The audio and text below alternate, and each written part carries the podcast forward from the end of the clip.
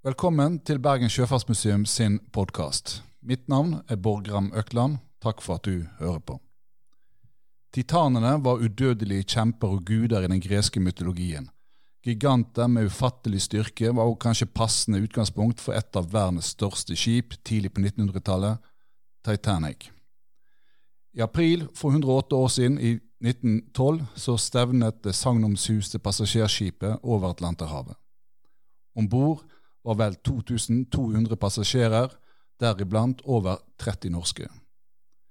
På jomfruturen så skjedde det som ikke skulle skje. Like før midnatt den 14. april støtte Titanic på et isfjell og sank i løpet av vel tre timer. Nær 1500 mennesker omkom. Siden har skipsforliset blitt beskrevet i mange bøker og filmatisert i en rekke, en rekke ganger for nye generasjoner. Og med meg i studio for å belyse verdens mest kjente skipsforlis har jeg Per Christian Sebakk, avdelingsdirektør for Bergen Sjøfartsmuseum i Museum Vest. Han har vært interessert i Titanic lenge og har utgitt to bøker om forliset. En om eh, nordmennene om bord i 1998, som for øvrig òg ligger online tilgjengelig på Nasjonalbiblioteket. Og sist boken Titanic historie, myte, litteratur og film, sammen med professor i engelsk litteratur Jakob Lote i 2012. Velkommen i studio. Tusen takk for det. Mange har jo vært veldig fascinert av Titanic. Og du har vært interessert i dette skipsforliset lenge, du òg? Ja, det har nok eh, Interessen var kanskje enda større eh, tidligere, da. Men det er noe jeg har vært eh, kjent til og interessert i så lenge jeg kan huske. egentlig. Ja, Når begynte det?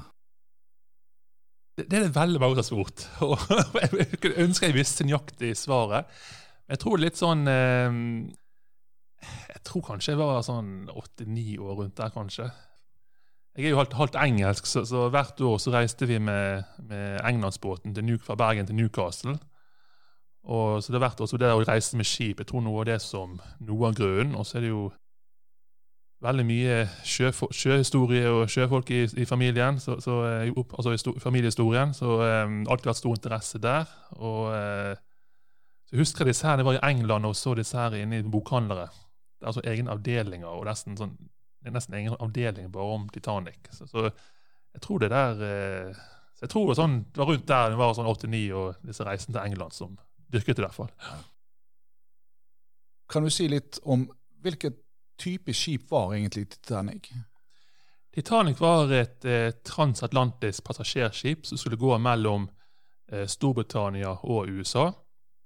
Og det var eh, Eh, hele grunnlaget for å bygge Titanic det var jo emigranter. Dette var en, stor, dette var en periode med stor utvandring, eh, fortsatt stor utvandring til USA. Hadde flere år faktisk med over én million emigranter bare tidlig 1900-tallet. I tillegg så er det mange som assosierer det med et eh, eh sånn luksusskip og, og alle eh, førsteklassepassasjerene som ofte kanskje får mest oppmerksomhet. Og Det er jo selvfølgelig en stor sannhet i det òg, at eh, mye av plassen på skipet er eh, satt av til eh, passasjer på første klasse. Men det ble aldri blitt bygget uten at det var emigranter. Det var der over 50% sier man, av inntektene lå i emigrantene. Skipet var jo kjent for bl.a. at det hadde egenskap for å være synkefritt. Kan du si noe om det? Ja, Det er kanskje en av de um, kanskje største mytene som lever rundt Titanic. Dette er at Det hadde blitt sagt at skipet eh, ikke kunne synke. Og Det er kanskje det som mest eh, historien så spesiell. da. Men faktum der det er jo at eh, det var ganske vanlig, særlig fra 1890-årene og utover, når det kom store, nye skip, så vil man si at, at skipene praktisk talt ikke kunne synke. Og Det hang sammen med at uh, skipene var delt inn i, i, eh, i vanntette eh, skott, altså vanntette rom, slik at hvis skipet gikk på grunn, så ville skaden, så ville, um, skaden bli begrenset da, til det området i det rommet som var punktert. for å si sånn.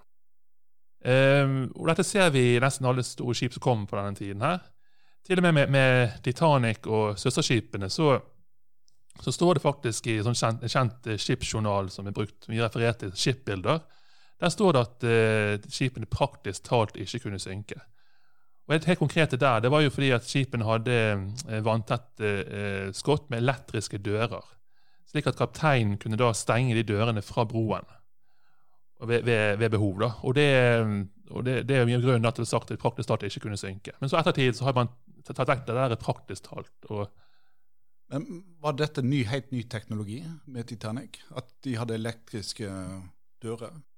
Eh, det var ikke de første skipene. Det var noen, noen skip før som hadde elektriske dører. Men de, de, de gikk det bra med, så, så, de har ikke vært like mye oppmerksomhet på det. Hvordan var det med livbåter om bord, da? Ja, Der er jo det en annen ting mange eh, forbinder med Titanic. Eh, Titanic hadde eh, 16 det vi kaller livbåter. Og I tillegg så var det eh, fire som er sånn, som er kalt klappbåter, eller mer sånn sammenleggbare båter. Det ligner litt på flåter. Um, og det var faktisk mer enn nok i forhold til eh, lovverket, altså forskriftene på, denne tiden her. Det spesielle var at um, det som bestemte antall livbåter, det var en, en um, altså Handelsdepartementets lovverk fra 1894 i Storbritannia. Og Den bestemte antall livbåter etter størrelsen på skipet. Og Der var det en fin tabell der det sto at uh, alle skip over uh, 10 000 tonn må ha så og så mange uh, livbåter. Nå er utfordringen at eh, eh, det største skipet i 1894 da lovverket kom, var jo rundt 10 000 tonn, mens Titanic da var jo over 46 000. Men, eh, men skipet likevel, eh, kunne likevel ha lov til å ta over 3500 eh, passasjerer og, og, mannskap. Men det var plukket plass i livbåtene til 1200 i, i henhold til lovverket. Var skipet òg verdens største, eller er det bare en myte? Eh, når skipet la ut på sin jomfrutur i april 1912, så var det eh, eh, verdens største skip. Men litt spesielt med det er jo igjen at man, gjør, man, tenker ikke veldig mye på eh, konteksten Titanic er, er, bygget i. Og Faktum er at eh, nesten hvert år, ikke hvert, men i hvert fall, nesten hvert år i begynnelsen av 1900-tallet, så kommer det et nytt verdens største skip. Og Det står mellom spesielt fire eh, rederier som er blant de største på eh, Atlanterhavet på denne tiden. her. Eh, tyske Hamburger, Märklin og Nordoja Lloyd. Og så britiske Cunard Line og, og, White Star Line. Og Titanic det, var, det skulle være da flaggskipet til da, til eh, White Star Line sammen med to andre søsterskip. Og Det var Olympic som kom i, i fart i 1911, og så Titanic i 1912 og Gigantic, eller Britannic, det står litt sånn strid om hva navnet egentlig skulle være, i eh, sannsynlig 1913. Eh, men det som er viktig å huske på der, det er jo at, eh, som ofte glemmer, det er jo at hvis Titanic hadde holdt seg flytende i én måned, så ville det ikke lenger vært verdens største skip. Fordi at Hamburg Ameriklinjen holdt på å bygge et skip som over 50 000 tonn. Altså rundt 5000 tonn større enn en Titanic. Så, ja. så dette her var en tid på en måte der rekordene sto for fall? Rekorden sto for fall både med eh, størrelse, og det var alltid et transatlantisk passasjerskip. Det er viktig å vise frem at dette er det største skipet til hvert rederi. Og de andre kommer da litt i skyggen, så de har jo mange andre skip òg. Og, um, ja. ja. Og dette her, kan, kan, kan, kan, du sette skipet på en måte inn i, en, måte i en kontekst, en sammenheng? Også, hva, hva, var på en måte Titanic en del av, vil du si? Også, I forhold til utvandringen til Amerika? Eller? Ja, altså man, man, forbinder jo Titanic ofte med å være et luksusskip og bygget for eh, eh, velstående passasjerer. Men faktum er at eh, Titanic vil aldri blitt bygget eller søsterskipene vil aldri blitt bygget uten emigrantfart. Dette er en tid med betyd, fortsatt betydelig emigrasjon til USA. Det øker faktisk andre veien nå, fra USA til, eh, til Europa. Det er mye frem og tilbake i trafikk. Eh, og særlig 1900-tallet, til 1900-tallet så er det flere år med over én million emigranter. Så den tidlig 1900-tallet det er den viktigste perioden for uh, utvandringen til, uh, til, USA. Og Rederiene trodde da at dette ville vare en god stund fremover. og Da var det økonomisk svarlig da å, å, bygge disse store, store, skipene, for det var jo store investeringer. Så det er primært for migrantfart. Det var der over 50% av inntektene lå. Men så er det òg denne tiden en økende særlig turistfart eh, blant velstående amerikanere. Og Det gjorde at skipene og flere av rederiene satset mer på mer så luksuriøse innretninger. Og der var jo Titanic eh, det var jo mest, eh, mest, Mesteparten av eh, plassen om bord Titanic til passasjerer det var jo eh, beregnet for første klasse. Og Så forlater da Titanic eh, på jomfruturen sin, Southampton, på vei mot New York. Kan, kanskje du tar oss litt sånn raskt gjennom på en måte hovedtrekk i reisen fram mot eh, det fatale forliset? Ja, det er veldig mye men jeg kan, jeg kan si det korte trekk her. Um, altså Titanic eh, eh, legger ut på sin jomfrutur eh, på midt på dagen faktisk den 10. april 1912. Og allerede rett etter avgang fra kaien i Southampton så er det faktisk ganske dramatikk. Da holder skipet akkurat på, nesten på å kollidere med et annet skip, eller, som heter New York som da lå ved kai, og snakket trossene løsnet sånn at pga. Eh, bevegelsen fra, fra, fra, Titanic. Men eh, unik akkurat kollisjon. Men det som er spesielt med det, er jo at eh, det, det, er New York. Nesten som New York liksom sier 'ikke dra til New York'. det er litt spesielt med at skipet heter New York. Men det kom seg, eh, det, det, er ikke kollisjon, og skipet kom seg da forsinket videre til eh, Cherbourg. Cherbourg er viktigst fordi at eh, der er det mye turister som er på kontinentet. Da er vi i Frankrike? eller? Da er vi i Frankrike, ja rett over engelske eh, kanal. Og I tillegg så er det en god del eh, migranter som kommer opp fra eh, særlig Sør-Amerika rundt Middelhavet. Så reiser via Frankrike opp til eh, Cherbourg. Og Så går vi, skipet videre til eh, Queenstown, i, helt sør i Irland, som i dag er Cobb. Og Der går de siste passasjerene eh, om bord. Så når skipet går fra Queenstown da ut på ettermiddagen den, den 11. Eh, april, så er det to, litt over 250 passasjerer på, på andre klasse og, og eh, ca. 350 på, på, på tredje klasse. Men det er mest på eh, er første klasse, men det er mest på, på tredje klasse med over 700 passasjerer. Totalt er det da eh, 1300 passasjerer på Titanic, og så et mannskap på, på 900. Og Skipet skulle da ankomme eh, beregnet å New York da eh, var den 16. 16. 17. sto det mellom de to datoene. Eh, den, den 1912. Eh, så gikk det fullt lang kurs over, over eh, Atlanterhavet. Og eh, egentlig veldig lite skjedde. Vær, været var eh, veldig bra. Eh, dette var jo i, i, i april. Allerede 12.13 april så begynner Titanic å få noen meldinger om eh, is. Titanic hadde, hadde trådløs eh, eh, telegraf. Dette var eh, ikke pålagt på alle skip eh, på, på, denne tiden. Og det var primært faktisk for eh, Det var et pri privat selskap, Marconi Telegraph Company. Og De var primært om bord for å sende private meldinger. Så Rutinen er ikke helt på plass der. Hva gjør man hvis man får meldinger om is og andre farer på via den trådløse telegrafen. Og det, Dette er is som uh, kommer med strømmen fra Grønland, tenker du? eller? Ja. Um, det som er, de, altså de er fullt klar over at uh, dette skjer hvert år, at is går um, da ganske langt sørover Newfoundland. Uh, og det gjør faktisk at uh, altså Trafikken er jo veldig stor på denne tiden vel, mellom USA, altså Nord-Amerika og Europa. Vi kan jo si at det er nesten Daglig så går det passasjerskip fra Europa til USA, i tillegg til veldig mange lasteskip. Og det gjør faktisk at eh, de følger bestemt, rute, bestemt avtalt rute, faktisk. Eh, både østover og vestover. Og det er primært da for å unngå eh, kollisjoner. Men pga. at de vet da at eh, det er mye is i området her i, i eh, altså våren om våren, så følger de en sydligere rute da, enn de gjør ellers eh, i, i, april. Og det gjorde òg Titanic. Så det var ikke helt uvanlig å få når man hadde tåletelegraf, så var det ikke uvanlig å få eh, meldinger eh, om is.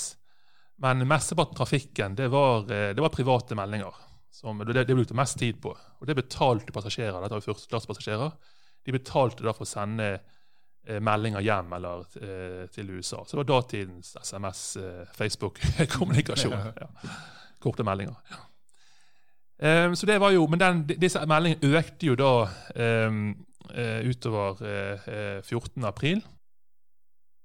Eh, skipet endret noe kurs, men det, men det opprettholdt farten på over, litt over 22 knop. Så Til tross for disse is, meldinger om is, så reduserte ikke kapteinen farten på, på, på, skipet. Det fikk jo han litt sånn kritikk for etterpå, men det var jo hans valg. Det var, sånn, det var ingen lovverk eller, eller eh, bestemmelse som sa at han måtte eh, redusere farten. Dette var jo en kaptein på, eh, han var rundt eh, 62 år med lang erfaring, så det er mye erfaring i dette området. her, Så han tok jo sine vurderinger på det, det han er vant til. Nå var dette virkelig et, et, et, et stort skip, da. Men eh, ja, for seg til hovedtrekkene, så var jo de da at eh, været holdt seg eh, veldig bra. Det som er utfordringen når været holder seg bra når det er stjerneklart og nesten helt eh, eh, eh blank sjø, det er jo et veldig vanskelig å, oppdage isfjell. Eller skjær, for den saks skyld. Fordi at eh, hvis man deler bevegelse i sjøen, så kan, så kan man så se mer tydelig sånn brenn, altså skum, da, for å si det sånn, på, på, på altså bevegelse i sjøen. da. Og I tillegg var det heller ikke måne og månelys. Så det var veldig det var sånn helt, eh, ikke det beste, beste forhold for å se isfjell. Men likevel så er farten opprettholdt. Og så hører med til historien at eh, vanligvis så ville eh, de som holdt utkikk Det var en sånn utkikkstønne der det var to stykker på vakt hele tiden. De ville vanligvis hatt kikkert og da kunne se eventuelle fare, fare på i avstand. Men de kikkertene faktisk glemt igjen i i, i et skap i SA-15. Det var en feil. Og man fant ikke nøkkel. Så, så de hadde ikke de hadde ikke, ikke kikkert. Og det gjorde jo da at når eh, klokken da nærmet seg eh, ti over halv midnatt den eh, 14. april, så, sto, så, så en av utkikkerne, altså eh, Frederick Fleet, han så dette isfjellet rett forut. Og, og varslet da umiddelbart eh, Eh, broen, men eh, som alle vet, man kunne ikke unngå kollisjonen. Hvordan vil du beskrive det som da skjer, når skipet treffer isfjellet, og de scenene som da over de neste timene utspiller seg? Altså, Titanic gikk jo på isfjellet eh, ti over halv midnatt. Og eh, sank, eh, gikk under da eh, ti på halv tre om natten. Dette var to timer og 40 minutter. Det er veldig sjelden at, sy, at skip på denne tiden her, og til og med seinere år, synker så sakte.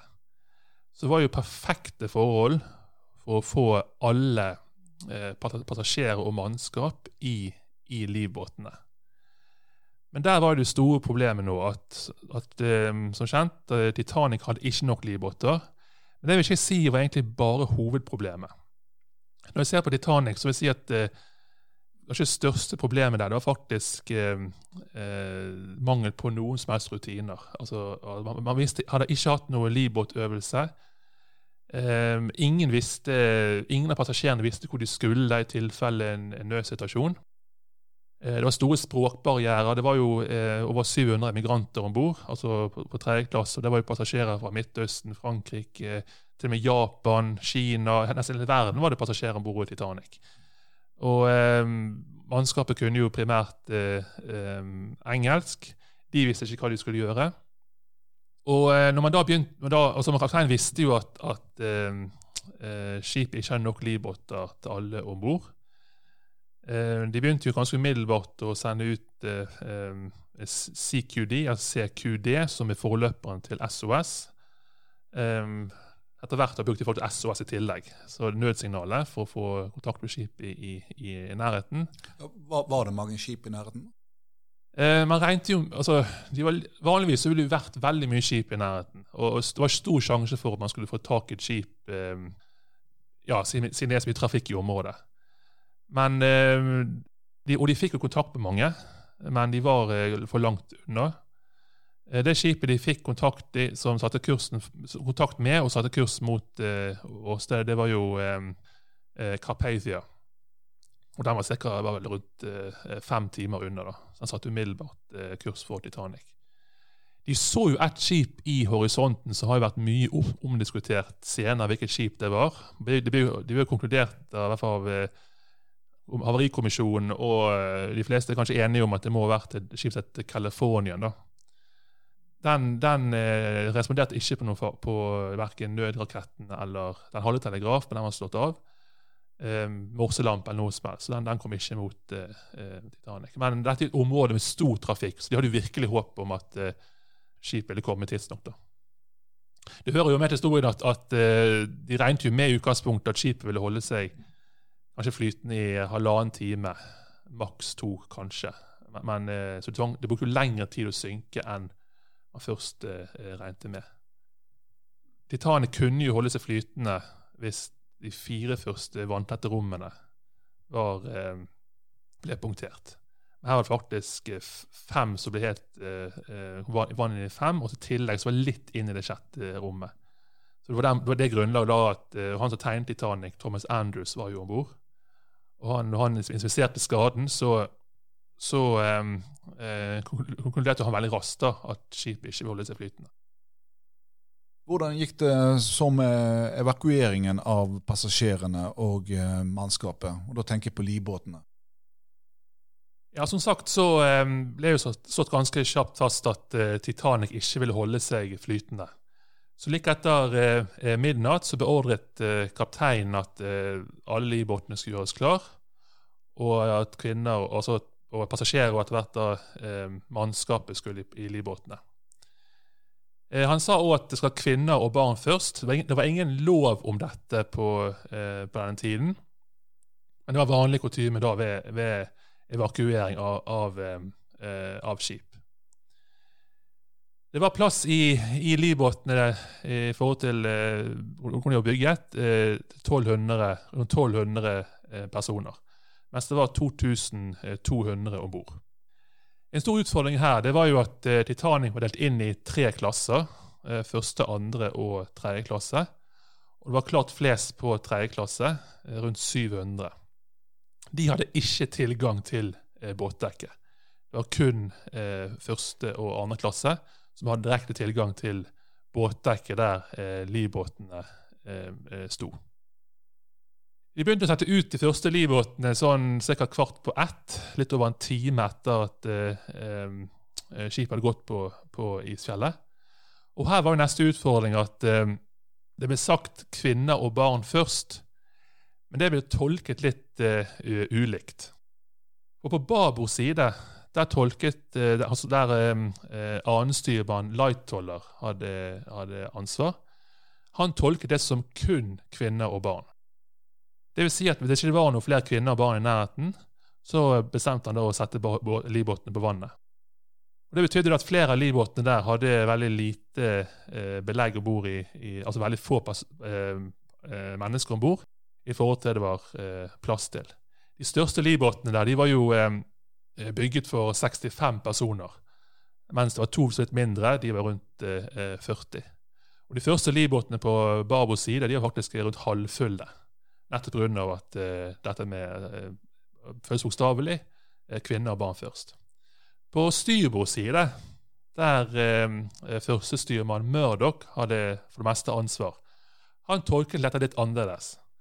Han sa stort sett eh, han sa kvinner og barn først, men han tillot menn å gå i livbåtene hvis det eh, ikke var flere kvinner og barn i nærheten. Så de, flere i livbåtene har faktisk litt flere eh, enn på, på, på babord.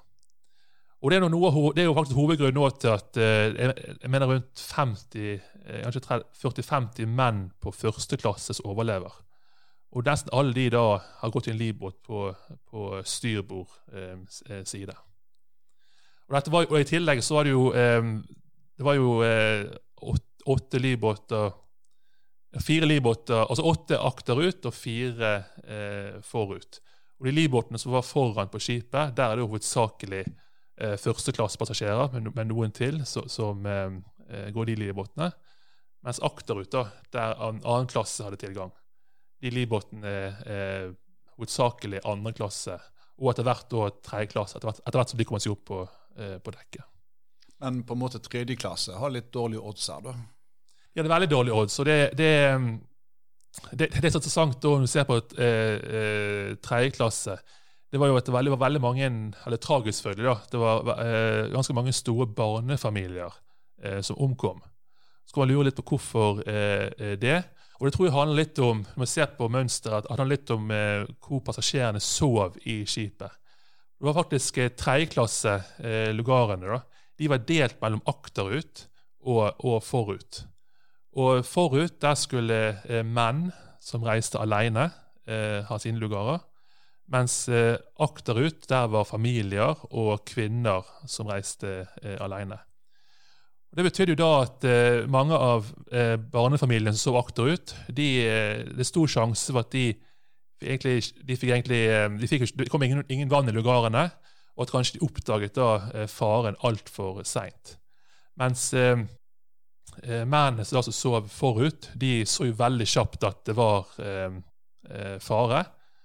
Og det er, jo, det, det er jo grunnen til at flere av de overlever. Og Vi ser òg at flere av de eh, kvinnene og eh, de som overlever akterut i Titanic, det er faktisk ofte noen som har en, som har en, en, eh, en venn eller familiemedlem som sover foran i skipet. Og Da har de gått akterut for å varsle ja, de, de, de reiste med. Men det er klart at det, vi poengterer det at det var jo oppunder rundt 100 barn på eh, tredje klasse, og eh, det er rundt 50 av de som omkommer. Og de på tredje klasse. Ja. Men altså selv, det er viktig da at man, man snakker jo da om at eh, Titanic ikke hadde nok eh, livbåter. Det som er viktig å presisere der igjen, det er jo at eh, det var som sagt plass til i, rundt 1200 i livbåtene. Og flere av de kunne nok blitt litt overfylt hvis, de kunne blitt satt på vannet. Og så kunne eh, passasjerer og mannskaper gått om bord i livbåtene mens de lå på vannet. Men til slutt, da, selv om forholdet var så optimale for å evakuere et skip, så var det jo bare rundt eh, litt over 700 som overlevde. Så faktisk, Selv om det var så mangel på livbåter, så er det faktisk eh, eh, rundt 500 færre i forhold til det Nei, 600 faktisk færre i forhold til det som har plass i, i, i livbåtene. Så, um, og det hører jo med til, det, hører, det er viktig å prioritere at um, de første livbåtene de var jo da som sagt eh, altså få i, men etter hvert så ble livbåtene ganske overfylte helt på slutten. Og evakueringen fortsatte jo helt frem til eh, litt over klokken to. Og eh, skipet sank da eh, ti på halv tre. Og frem til eh, denne skjebnesvangre natten da, eh, med dette forliset, altså, var dette inntil den tid den største skipskatastrofen du har hatt i verden?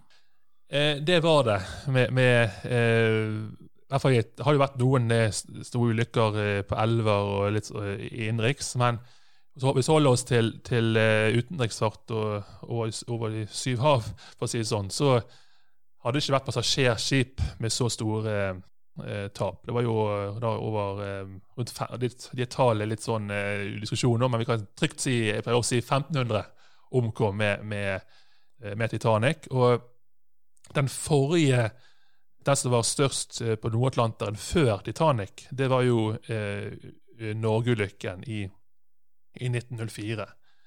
Det var et dansk emigrantskip på vei fra København og, og Norge til eh, New York, som sank utenfor Rockall ved Skottland. Eller ved Rock ved Skottland, og, og um, der omkom 635. Så, eh, ja. Det skjedde ikke ofte. Det var veldig stor trafikk eh, på Nord-Atlanteren, men det var sjelden at det var sånne store ulykker med om bord så var det jo òg eh, noen nordmenn. Du har jo utgitt, som nevnt, en egen bok eh, om historien eh, til de.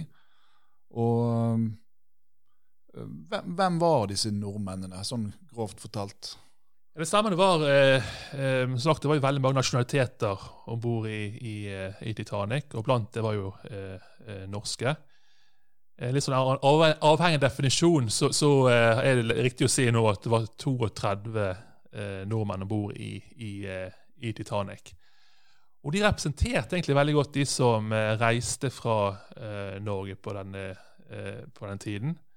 Eh, de fleste var jo 28, og de var reist på tredje klasse, slik som norske passasjerer som regel gjorde over Atlanterhavet. Det som er spesielt rundt altså 1912, det er jo at det ikke, det er like mange barnefamilier som reiser fra Norge Eh, på denne tiden i forhold til si 1880-årene. Så, så, blant de norske passasjerene så er det bare ett barn. Han reiser med sin eh, eh far fra, fra eh, Trondheim, Arthur eh, Olsen. Eh, de andre det er, det er flere som har vært i USA tidligere. Det er veldig vanlig mønster på den tiden. altså Reist frem og tilbake. og da, da tar de ofte med seg slektninger på returen til USA. Det er vanlig. Det er òg noen få eh, som eh, reiser til, skal reise til Midtvesten, til eh, altså enten Minnesota eller Wisconsin eller eh, North South Dakota, som er ganske vanlig for norske emigranter. Reiser der først, og så får familien til å komme eh, etterpå.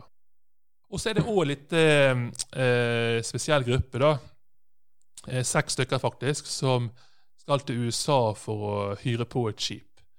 For det var jo på denne tiden ganske mange norske skip er borte i amerikanske farvann. Bl.a. Eh, fruktfart, som er stort i, i Mellom-Amerika. Så de skal faktisk reise med eh, Titanic, for de er ikke emigranter. De, de er, per definisjon de er, skal bort for å jobbe, og så reise hjem igjen etterpå. De eh, nordmennene som reiste, hva klasse reiste de på? Det var eh, 28 eh, som reiste på tredje klasse. Som sagt, Det var, det var en vanlig, veldig mønster på den tiden. Og så var det en på andre klasse, en som het Arne Falstrøm. Han var sønn av eh, et kjent teaterpar i, eh, Kristiania, som nå er, Oslo. Og så var det tre da på eh, første klasse. Og de, de, var jo da bosatt i USA. De var velstående norsk-amerikanere. Så hadde vært på, på, altså vært på ferie i eh, Europa, på kontinentet. Og det var, det var igjen en vanlig mønster på den tiden. da. Så. Var det noen uh, av de norske passasjerene som også kom fra Bergen? Ja, faktisk fire av de. Og tre av de var da var disse sjøfolkene eh, som skulle til eh, USA for å hyre på et skip. Og så var det eh, Sigurd Moen, som var eh, Han bodde i Bergen, kom opprinnelig fra, fra eh, Oppland, faktisk. Men han var bosatt i Bergen med sin kone og hadde, hadde to barn og så var hun gravid i tillegg. Og eh, De skulle da komme etter da, til, eh, til, Minnesota. Og Av disse vel da litt over 30 eh, norske passasjerene, hvordan gikk det med dem? Var det mange som omkom eller overlevde? Eh, ti av de 32 eh, overlevde. Og det var eh, ni på tredje klasse. Og så var det hun ene på første klasse, som en dame altså, som reiste med sin far. Titanic-forliset ble jo slått stort opp i eh, media uh, verden over. Og, men hvordan uh, Hva skrev man om det? Hva, F.eks. i Norge. Hva, hvordan ble Titanic slått opp her? Titanic fikk veldig umiddelbart eh, stor oppmerksomhet i, i, pressen. Og det var jo ganske mye uklarheter til starten hva som faktisk hadde skjedd. Og det handler nok om at, at det var uh, dette med trådløs uh, telegraf. Det var jo litt sånn i sin spede begynnelse på den tiden. Så det er vel en av de første store ulykkene mest som kunne følge litt sånn uh, minutt, minutt, for minutt. Det som skjedde, var at Titanic, da, etter, etter passasjerene, da, de overlevende, hadde kommet om bord i, i redningsskipet Carpathia tidlig om morgenen den 15. april. Så begynte de å sende ut noen meldinger om, om, om, hva som hadde skjedd. Stort sett via en landbase på eh, en telegrafstasjon på Cape Race, som ligger på eh, eh, Newfoundland. Og Det ble da sendt videre derfra til, eh, til USA, og derfra da rundt, eh, rundt, hele verden. Og Underveis der så var det jo, når man sender fra en telegrafstasjon til en annen, så kan det fort bli misforståelser. Blant annet så eh, sto det ganske umiddelbart i, i, eh, i, første avisen den 15. april i New York. Det kom jo flere utgaver i løpet av dagen. Så sto det jo at eh, Titanic har gått på isfjell og sunket, men alle har overlevd. Og Det var jo da misforståelse ut fra at det er blitt sagt at Carpathia hadde alle de overlevende om bord. Og det ble tolket som at alle hadde overlevd. Så det er litt for to forskjellige men i Norge så, så um, allerede Det var tidsforskjell her, sant? og, og uh, det ble jo så vidt nevnt i, i uh, ettermiddagsutgaven den, den 15. Uh, april. Men så da fra fullt, da fra 16., så er det, så er det um, stor nyhet i, i ja, både i norske aviser og i verden. Mye illustrasjoner og ja. Så takket være telegrafen, kan du si, så, så ble nyhetene spredt rundt fort. I høyeste grad, ja. Jo, men, det, men, det, som skjedde da, var jo at eh, Carpathia gikk jo da fra åstedet om morgenen formiddagen den 15. april, og kom da til New York om kvelden først den, den 18. Så man fikk ikke snakket direkte med noen av de overlevende før skipet faktisk kom til land. Og det var veldig tre dager, sant? og da var det mye ja, ulike oppfatninger hva som hadde skjedd. og, og Akkurat. Ja. Hvis vi ser på i ettertiden, og så fikk um, forliset konsekvenser for sikkerhet til sjøs? Ja, ganske umiddelbart. Eh, det man ser på denne tiden her, det er jo at for, for at uh, det skal være noe interesse for å endre noe lovverk internasjonalt. Her, på den tiden her, er det ikke noe sånn standardisert internasjonalt uh, maritimt lovverk. Det er hvert land som har sine bestemmelser. Men de ser ofte til de viktigste eh, sjøfartsnasjonene, spesielt Tyskland og Storbritannia som er de som er i hvert fall passasjerskip i verden, så er de, de som er klart uh, størst. Og det gjorde jo uh, ja, og det gjorde da at eh, når, når de, de, så jo nå et behov, stort behov for å endre lovverk, og da følte de fleste andre land da etter. Så ganske umiddelbart etter Titanic så ble det krav om, om nok livbåter til alle om bord på uh, alle havgående passasjerskip. Noen unntak med, med innenriksskip. Så, så det, det, kom på plass ganske umiddelbart. Men det interessante der for den det, det er jo at eh, eh noen år tidligere, altså 1904, så var det jo samme problemet med, med Norgeulykken. Hadde heller ikke nok livbåter til alle om bord.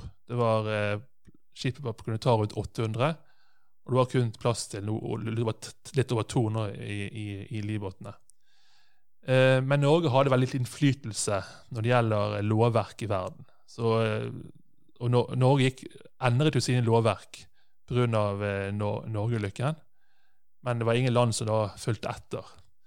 Og interessante der det er jo at når eh, USA under Titanic krever nå eh, at det var lovverk om nok livbåt til alle om bord i, i passasjerskip, så, eh, så, da, så, så, er jo han eh, veldig stolt, eh, den norsk-amerikanske senatoren Knut Nelson, som opprinnelig kommer fra Voss han gjorde da stort poeng ut av at disse lovverkene allerede på plass i Norge. Så det er interessant. I, til, i tillegg til eh, livbåtbestemmelser, skjerpede krav der, så ble jo i 1914 eh, opprettet noe som heter International Ice Patrol.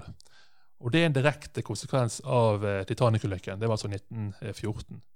Og Det var de aller fleste land som drev med, med skipsfart over eh, Atlanterhavet de var med å, å eh, finansiere det, bl.a. Eh, Norge.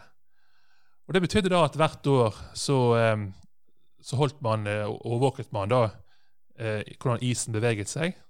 Eh, først med skip, og etter hvert med eh, helikopter har blitt brukt. Og det brukes faktisk i dag fortsatt, men da med helt annen teknologi enn med radar og annen type overvåking.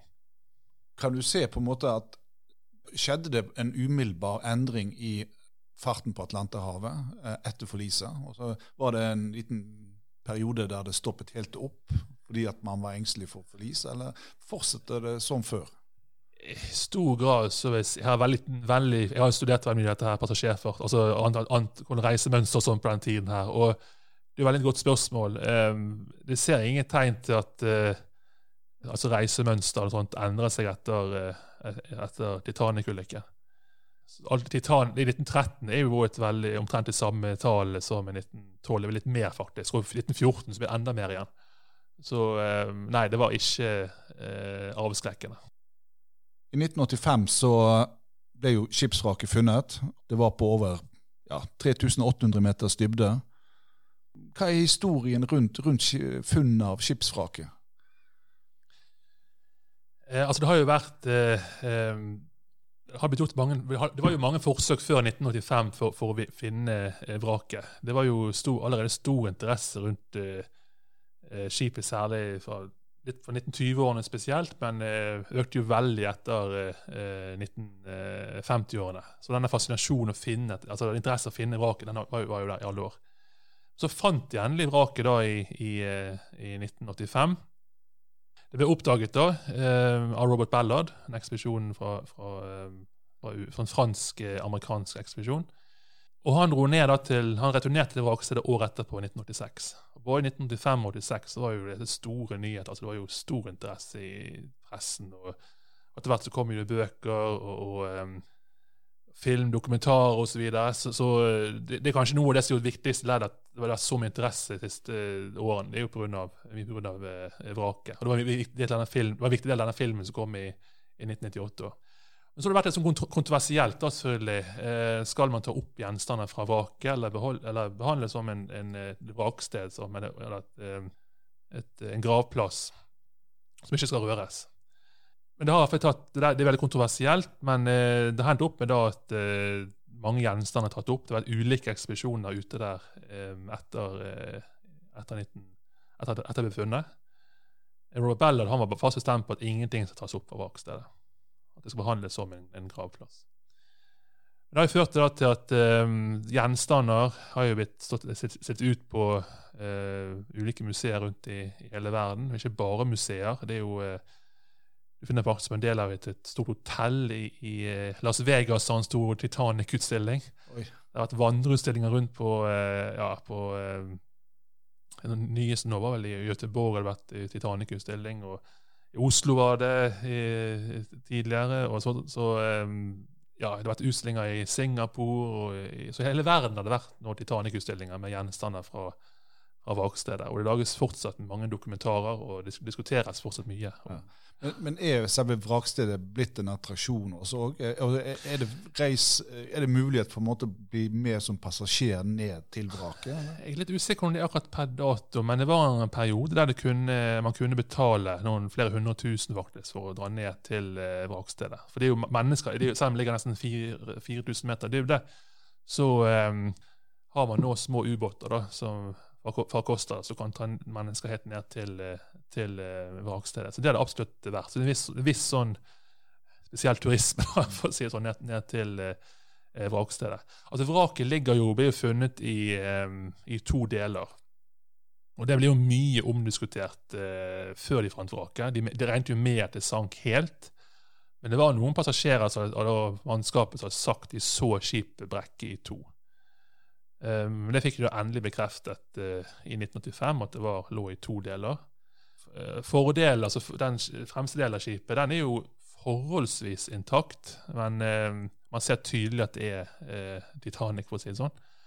Mens lite, gjen, lite gjenkjennelig av akterdelen. Nesten, nesten så har han implodert på vei ned til, til havbunnen. Det er mye ekspedisjoner der, og man, man har tatt mye prøver. og av eh, stål. Altså my, mye, ja, Man tester mye, og det er stor interesse fortsatt rundt vrak. absolutt. Men spørsmålet er hvor lenge det vil holde ut, for det er jo en veldig dårlig stand. Da, Ja. Og Titanic har jo blitt eh, kan du si, verdens mest kjente skipsforlis. Og hvor, hvorfor, Hvordan ble det slik, egentlig?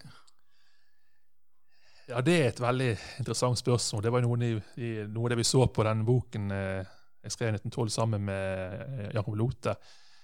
Jeg tror det er mye altså, For det første så var det, det var jo litt sånn den perfekte eh, Ingredienser til den perfekte historie, for å si det sånn. Eh, den perfekte romanen. Eh, du har et skip som er på den tiden verdens største, som eh, legger ut på sin jomfrutur, og som da treffer et isfjell og synker. Og som sa tidligere, dette med at de fleste skip de synker, synker jo etter ganske kort tid. Så du får ikke, veldig mange sånne dramatiske scener på den måten. Men her fikk du to, her kunne utspille seg i to timer og 40 minutter. den perfekte forholdet. Du fikk alle disse skjebnene, alle historier, dramatikken. Alle disse ingrediensene. Og så er det noe med at eh, hva, hva um, måten Titanic har brukt, brukt symbolsk. For dette er jo en tid der det er veldig mange teknologiske nyvinninger, altså særlig sånn fra 1700-1800-tallet frem til, eh, altså frem til første verdenskrig. Du har elektrisitet som kommer, kan, vi kan fly. Eh, skipet blir, og telegraf, altså Trådløs telegraf kommer på den tiden. her.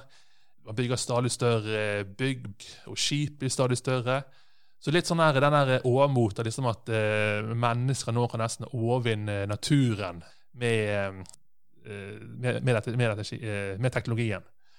Og Da får du det her isfjellet da, som både representerer naturen og tar tilbake liksom, Nei, eh, naturen er fortsatt, er fortsatt sterkest. Og I tillegg så er det sammenfall av Titanic og litt med annen symbolikk er jo at det er jo like før første verdenskrig. Og første verdenskrig det på en måte symboliserer ofte slutten på den gamle verden, for å si det sånn, altså, med, disse store imperiene og keiserrikene osv. Og, så og Titanic er litt sånn sammenfaller litt med det. da, for sånn den Symbolet på ja, slutten på den, den gamle verden slik man, slik man, kjente det. At det representerer da et brudd da, for noe, noe ny verden. Utover på 1900-tallet så må det jo tenker jeg. Det må jo ha oppstått en del myter eh, rundt eh, Titanic. Helt til slutt, du har ikke en eh, myte du vil knuse for oss?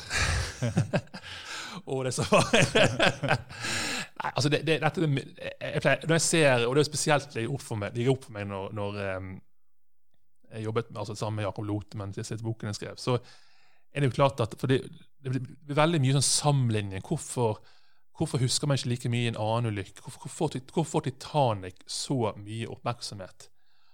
Og det tror jeg faktisk har noe med dette med at eh, eh det, er ikke, det, er ikke, historien i seg sjøl som, som, er det mest interessante, som gjør at, at uh, all interessen om Titanic lever videre. Det er mer disse mytene uh, som oppstår. Og myter er ofte sånn eh, eh, selvforsterkende, som man sier, over tid. Det er veldig vanskelig å knuse en myte. Uansett hvor ofte en historiker prøver å knuse en myte, så, så er det med kildekritikk og fotnoter osv., så, videre, så, så vil det leve videre. Og noe av det sterkeste der med Titanic, det er jo at dette med at skipet ikke kunne synke, vil jeg si. At, at um, og det er igjen, Man, man, liksom, man skyr vekk alt som har med historisk kontekst. Man setter ikke inn i noen historisk sammenheng. Man tror liksom Titanic er det eneste skipet som, som, eh, der det ble sagt at det praktisk talt ikke kunne synke. At det, var, at det var noe helt eksklusivt med Titanic. Så det er kanskje den, en av de mytene. Bare, vi kan knuse den nå, bare som jeg har sagt fortalt tidligere, at det var jo ikke tilfellet. Men jeg tror den vil leve videre likevel. At det var skipet som ikke kunne synke. Sant? Selv om det egentlig ikke aldri ble sagt så eksplisitt. Um, så er dette her med, igjen med størrelsen på skipet. At, at, det er så unikt og så så at det var helt spesielt at det, man kan bygge et så stort skip. Det tror jeg òg er en sånn viktig myte rundt uh, at Titanic blir uh, altså At det er så mye interesse rundt uh, skipet. Men igjen, man må sette inn i sammenheng at det var et av mange skip som bygget på den tiden, som bare ble større og større. Men det var riktignok størst i, i, april 1912. Og så er det jo alle disse her eh, historiene om, om eh, disse, disse, scenene, og hva som skjedde når skipet sank. Sant? Både med ja, at, at, uh, altså at menn ga, ga oppsplassen i livbåten til kvinner og barn, som heller ikke stemmer helt, for det var jo, det var jo ganske mange menn som overlevde. Uh, men det igjen går, det, det, man, man forbinder det ofte med uh, Titanic. Også dette her med at det var nesten bare velstående, luksuriøse altså At det var bare luksus rundt Titanic. Det, det, er jo en viktig at, poeng at og Det er kanskje, det er, kanskje litt mer nyansert de siste årene. vil si da. Altså I utgangspunktet er det nesten bare fokus på at Titanic har velstående blant de rikeste menneskene i verden om bord. Men i senere år, kanskje spesielt etter eh, filmen 1998, da, så har det fått kanskje enda mer oppmerksomhet. At man forbinder kanskje Titanic litt mer med at det var og migranter og, og, eh, og fattigere mennesker om bord. Men det er ja, det er veldig mange eh, myter som jeg har veldig lyst til å knuse, men det er kanskje ikke tid til nå. Men. Tusen takk til deg, eh, Per Christian Sebakk, avdelingsdirektør for Bergen sjøfartsmuseum i Museum Vest. Vil du lese mer om Titanic, så har vi et par anbefalinger i omtalen av denne podkastepisoden på nettet. Takk for at du hørte på, og på gjensyn.